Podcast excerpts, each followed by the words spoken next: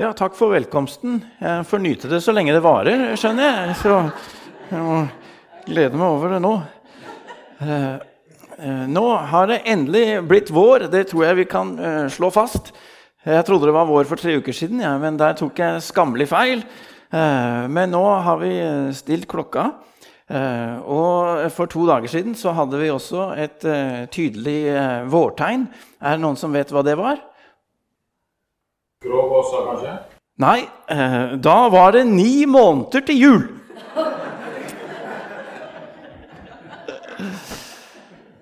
Eh, og eh, det er en viktig dato for oss som tror på Jesus. for det er den dagen vi markerer at jomfru Maria ble gravid med Guds sønn.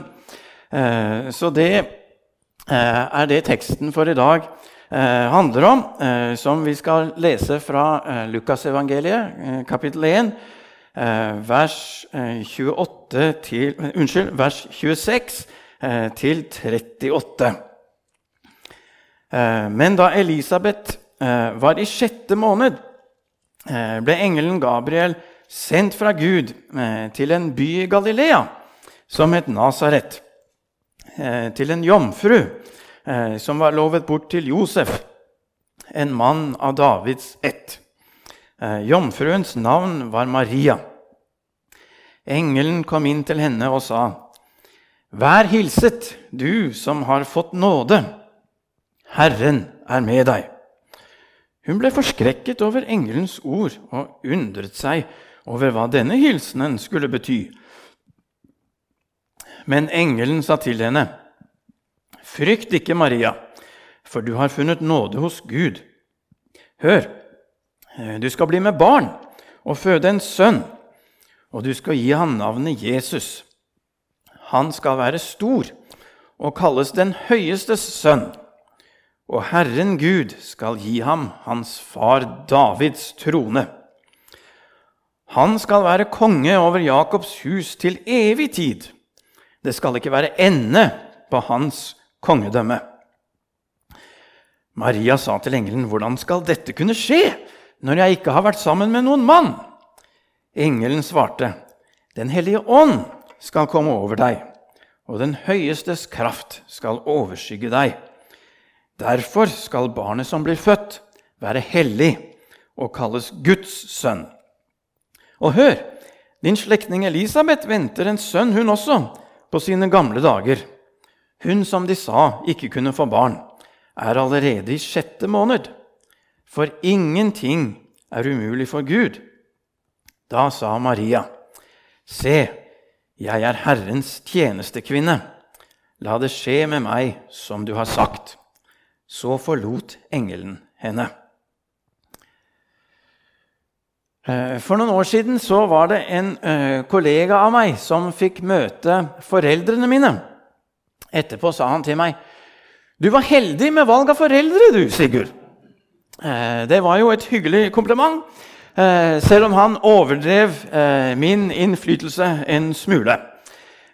De fleste av oss har ikke så mye vi skulle ha sagt når det gjelder hvilke foreldre vi får.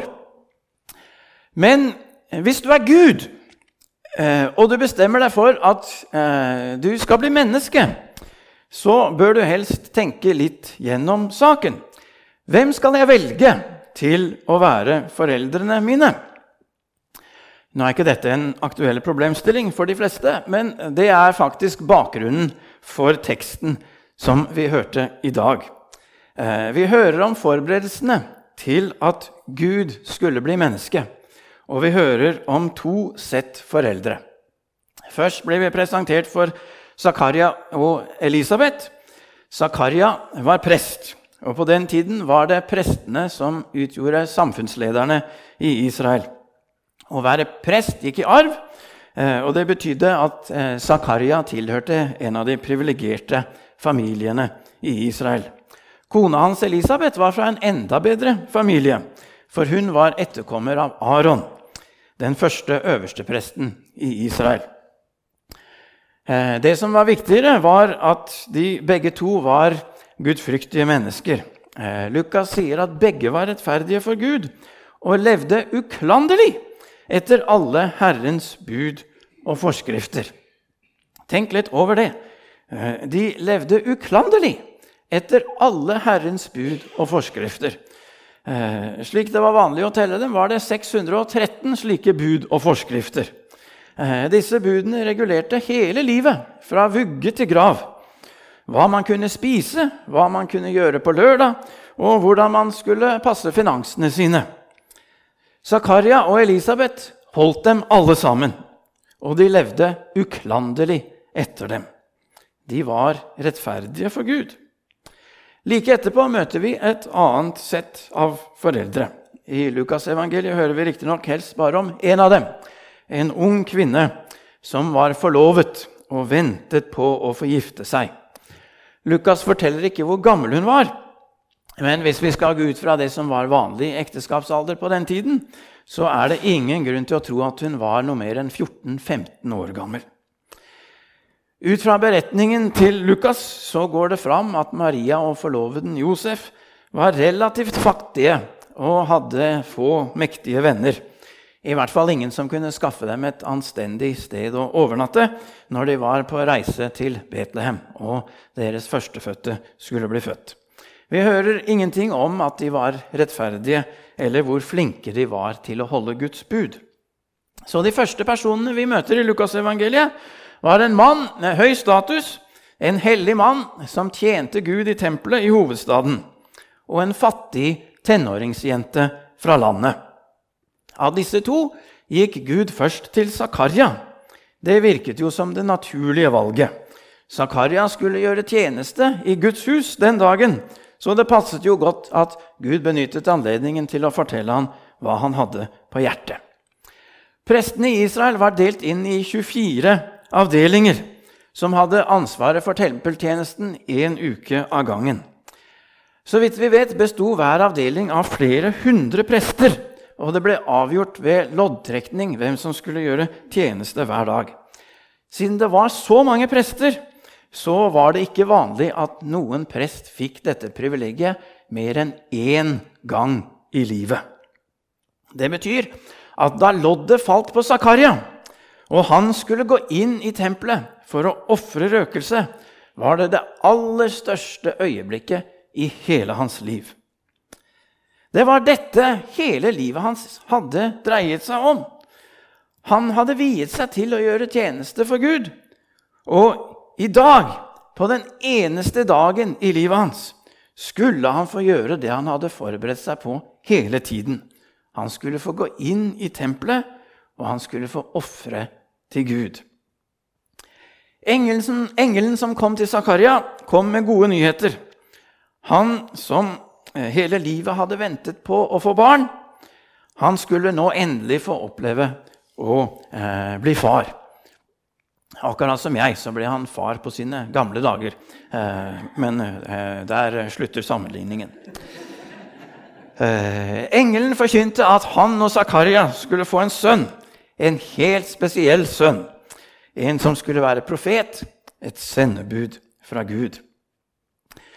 Men dette fantastiske øyeblikket, øyeblikket da Zakaria fikk sine to høyeste ønsker oppfylt på en gang Han fikk møte Gud, og han fikk vite at han skulle få en sønn.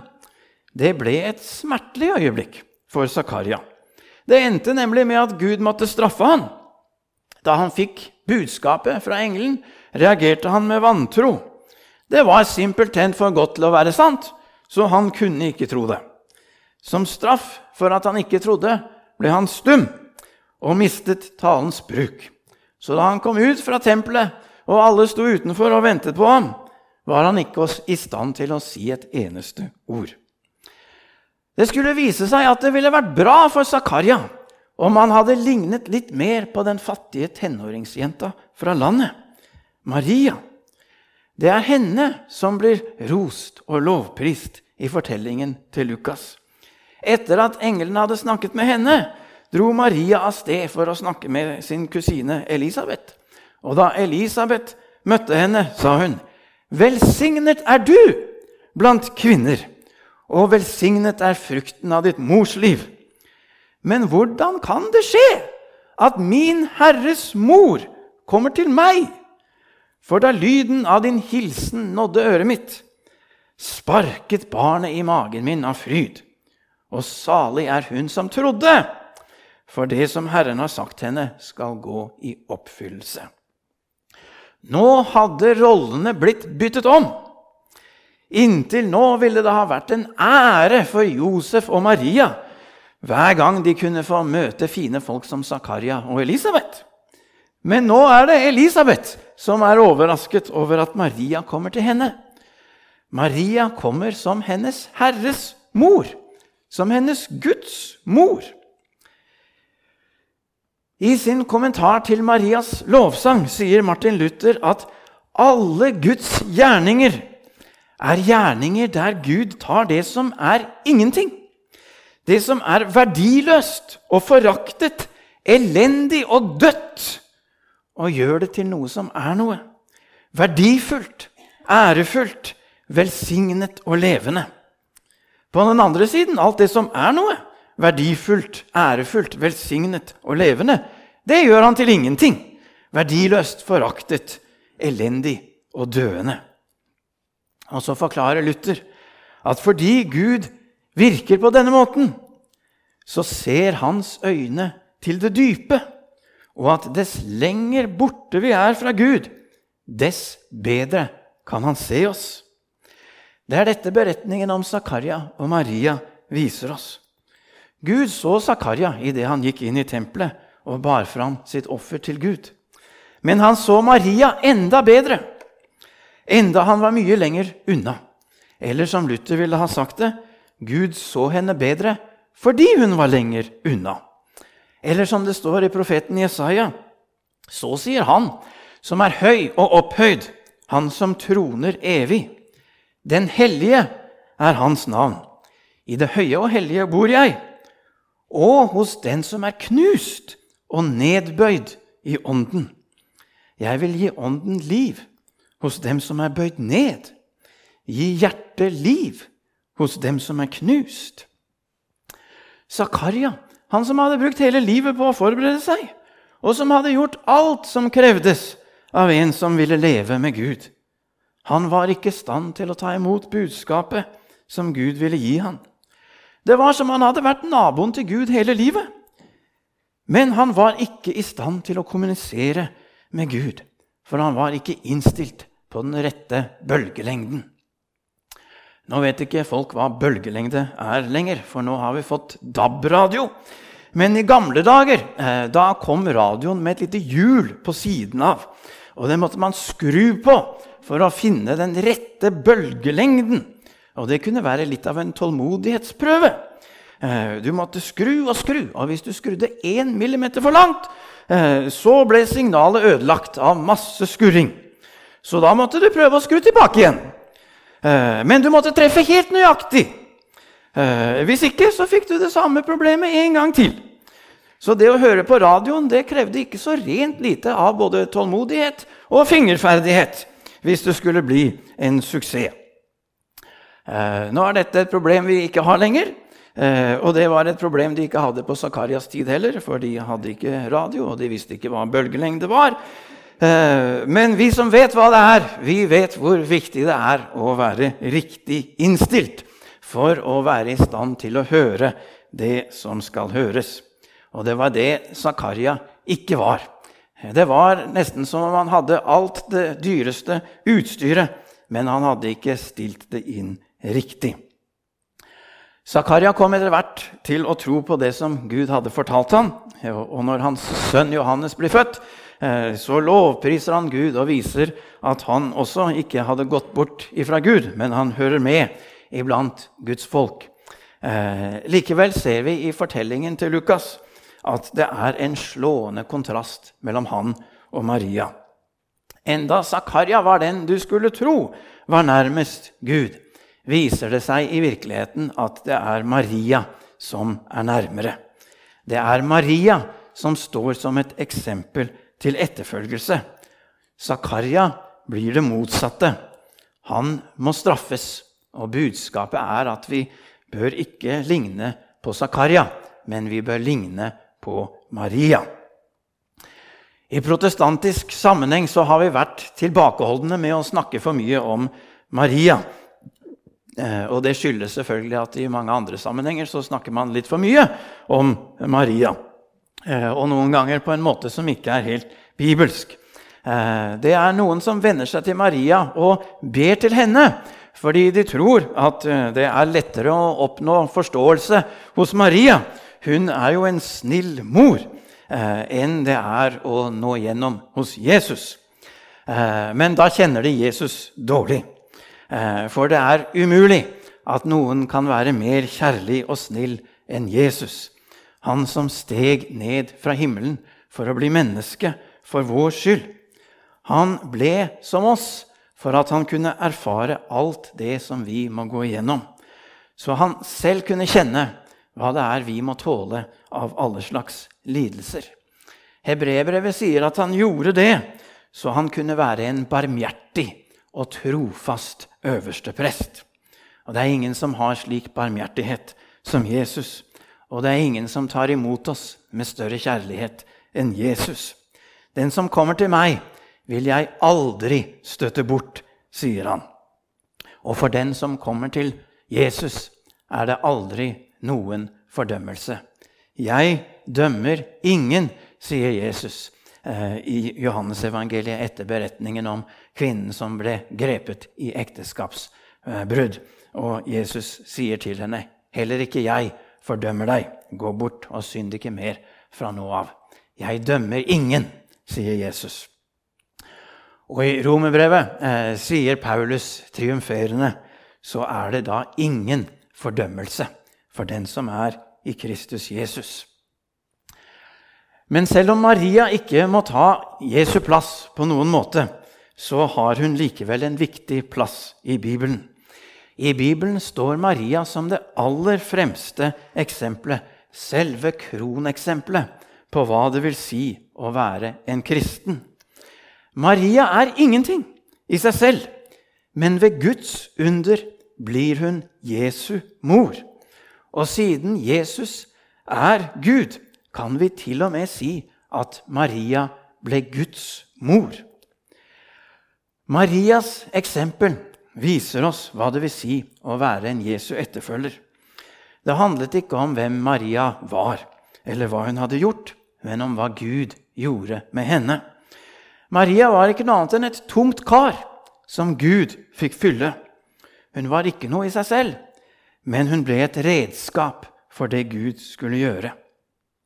Og som et sånt redskap var Maria faktisk helt nødvendig.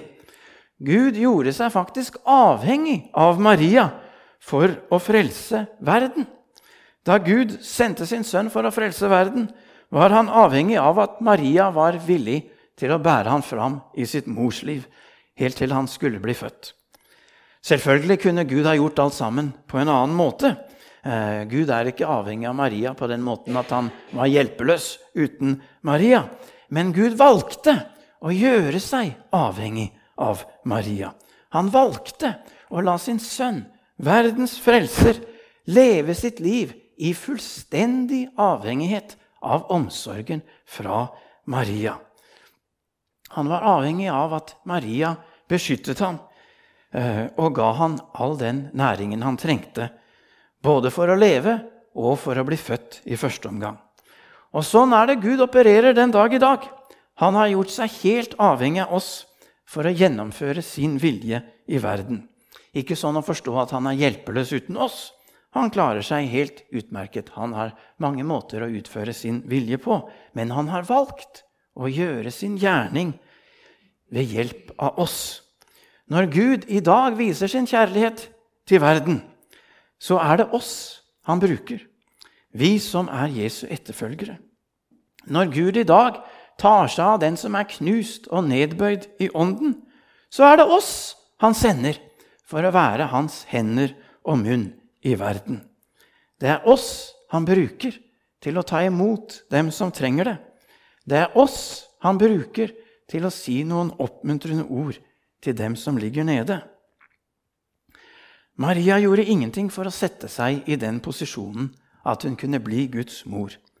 Ut fra det vi leser i Lukasevangeliet, ser det ut til at det er ingenting som kunne overrasket henne så mye som at hun skulle bli gravid og føde Guds sønn. Hun hadde slett ikke forberedt seg på det. Hun hadde ikke stilt seg i køen eh, der denne gaven ble delt ut. Hun bare levde sitt liv. Og det som skjedde, var at Gud kom til henne. Og da han kom, tok Maria imot i tro. Det som gjør at Maria skiller seg fra Zakaria, er måten hun reagerte da engelen kom til henne. Som Zakaria ble hun veldig overrasket, og hun kunne ikke forstå hva som skulle skje. 'Hvordan kan dette skje når jeg ikke har vært sammen med noen mann?' spurte hun. Men der Zakaria reagerte med vantro, godtok Maria det som ble sagt til henne av engelen. 'Se, jeg er Herrens tjenestekvinne. La det skje med meg som du har sagt.' 'Ja vel', sa hun. 'Hvis du sier det, så skal det være sånn.' Maria hadde ikke vært opptatt med å gjøre store ting for Gud. Hun ble fullstendig overrasket da det skjedde. Maria hadde vært opptatt med å gjøre små ting for Gud hver eneste dag. 'Jeg er Herrens tjenestekvinne', sa hun. Det var sånn hun tenkte på seg selv. Hennes oppgave var å gjøre det Herren ba henne om, om det var lite eller det var stort. Det viktigste ved vårt forhold til Gud er ikke om vi er klare til å gjøre store ting for Han men om vi er klare til å gjøre små ting for han hver eneste dag. Hele livet hadde Zakaria forberedt seg på å gjøre store ting for Gud, det største av dem alle, å gå inn i tempelet og gjøre tjeneste for han. Men da det skjedde, og han skulle inn til Guds nærvær, så viste det seg at han ikke var klar til å ta imot det Gud ville gi han. Han endte opp som et eksempel til advarsel. Zakaria hadde sett til det høye, men han møtte ikke Gud på den måten. Maria holdt seg til det lave, og det var der Gud fant henne. Maria visste at Gud ikke kom til henne fordi hun var noe stort. Nei, tvert imot.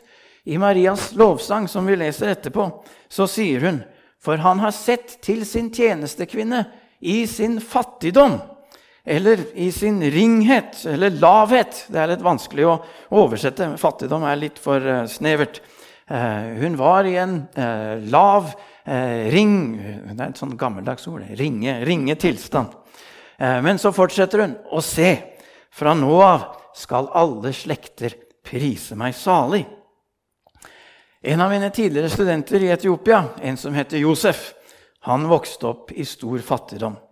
Som barn mistet han begge foreldrene sine, og det var egentlig et under at han overlevde. Det var sjelden han hadde nok å spise hver dag. Og han hadde ikke råd til å gå til legen når han ble syk. Men han klarte seg og kom etter hvert til hovedstaden Addis Abeba. Og der møtte jeg han som en voksen mann.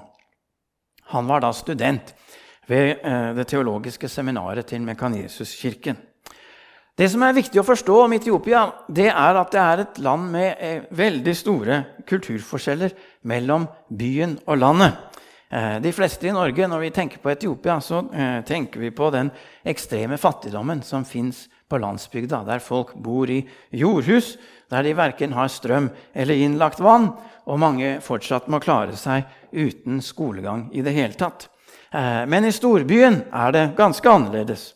Det fins mye fattigdom der også, men det er også mange som lever sitt liv mer eller mindre sånn som vi gjør i Norge. Eh, derfor er det stort sett ingen som vil reise tilbake til landsbygda hvis de først har greid å komme seg til storbyen og etablert seg der. Men denne studenten som jeg nevnte, Josef, han tenkte helt annerledes enn folk flest. Da han var ferdig med utdannelsen, og han hadde gjort det bra, og han kunne sikkert ha fått seg en god jobb, så bestemte han seg for å reise ut til et av de eh, minst utviklede områdene i Etiopia, og begynne kristen virksomhet iblant dem. Han fortalte meg at dette var et område der folk fremdeles tilba steiner og trær. Det var et farlig sted å være etter mørkets frambrudd, eh, for et eh, menneskeliv var ikke så mye verdt i disse traktene. Men Josef fortalte meg med stor begeistring om hvorfor han hadde valgt å reise dit, bl.a. for å starte en skole for barn som tidligere ikke hadde fått skolegang. Eh, disse barna er fattige, akkurat som jeg var, sa han. Og nå kan jeg hjelpe dem, akkurat som Gud har hjulpet meg. Jeg fikk være med og besøke han i dette området en gang. Og for meg var det ingenting som sa meg at disse barna var akkurat som han. Han var nå en godt utdannet mann som snakket tre språk flytende, og en naturlig lederskikkelse. I storbyen var det helt sikkert mange arbeidsgivere som ville betale godt for å få en mann som han. Men Josef så det ikke på den måten. Han visste at det han hadde oppnådd, var Guds gave. Gud, som ser til de lave, hadde funnet han mens han ennå var på et lavt sted, og løftet han opp. Men likevel tenkte han ikke på seg selv som en av de høye. Han så fortsatt på seg selv som en av de lave, og derfor var han glad for at han kunne gå til dem som var på et lavt sted. Han så ikke på seg selv som noe mer eller som noe bedre enn de fattige barna på landsbygda. Han så at han var akkurat som dem. 'Dette er folket mitt', sa han. Og på den måten gjorde han Guds gjerning i Etiopia. Himmelske Far, vi takker deg for at du sendte din sønn Jesus eh, Kristus ned til eh, oss som befinner oss iblant de lave. Eh, vi takker deg for at du som bor i det høye og hellige, eh, du bor hos dem som er sønderknust og nedbøyd i ånden. Eh, du ser oss når vi er på mørke steder. Du ser oss når vi er eh, langt nede. Du ser oss når vi er ingenting. Og du kommer til oss med din nåde og tilgivelse og livgivende kraft. Himmelske Far, vi ber om at du vil gjøre oss til dine armer og dine ben og din munn her på Stord. Eh, så vi også kan få eh, nå ut til dem som eh, er langt nede, og vise dem Guds kjærlighet og nåde, slik som du har vist det til oss. Amen.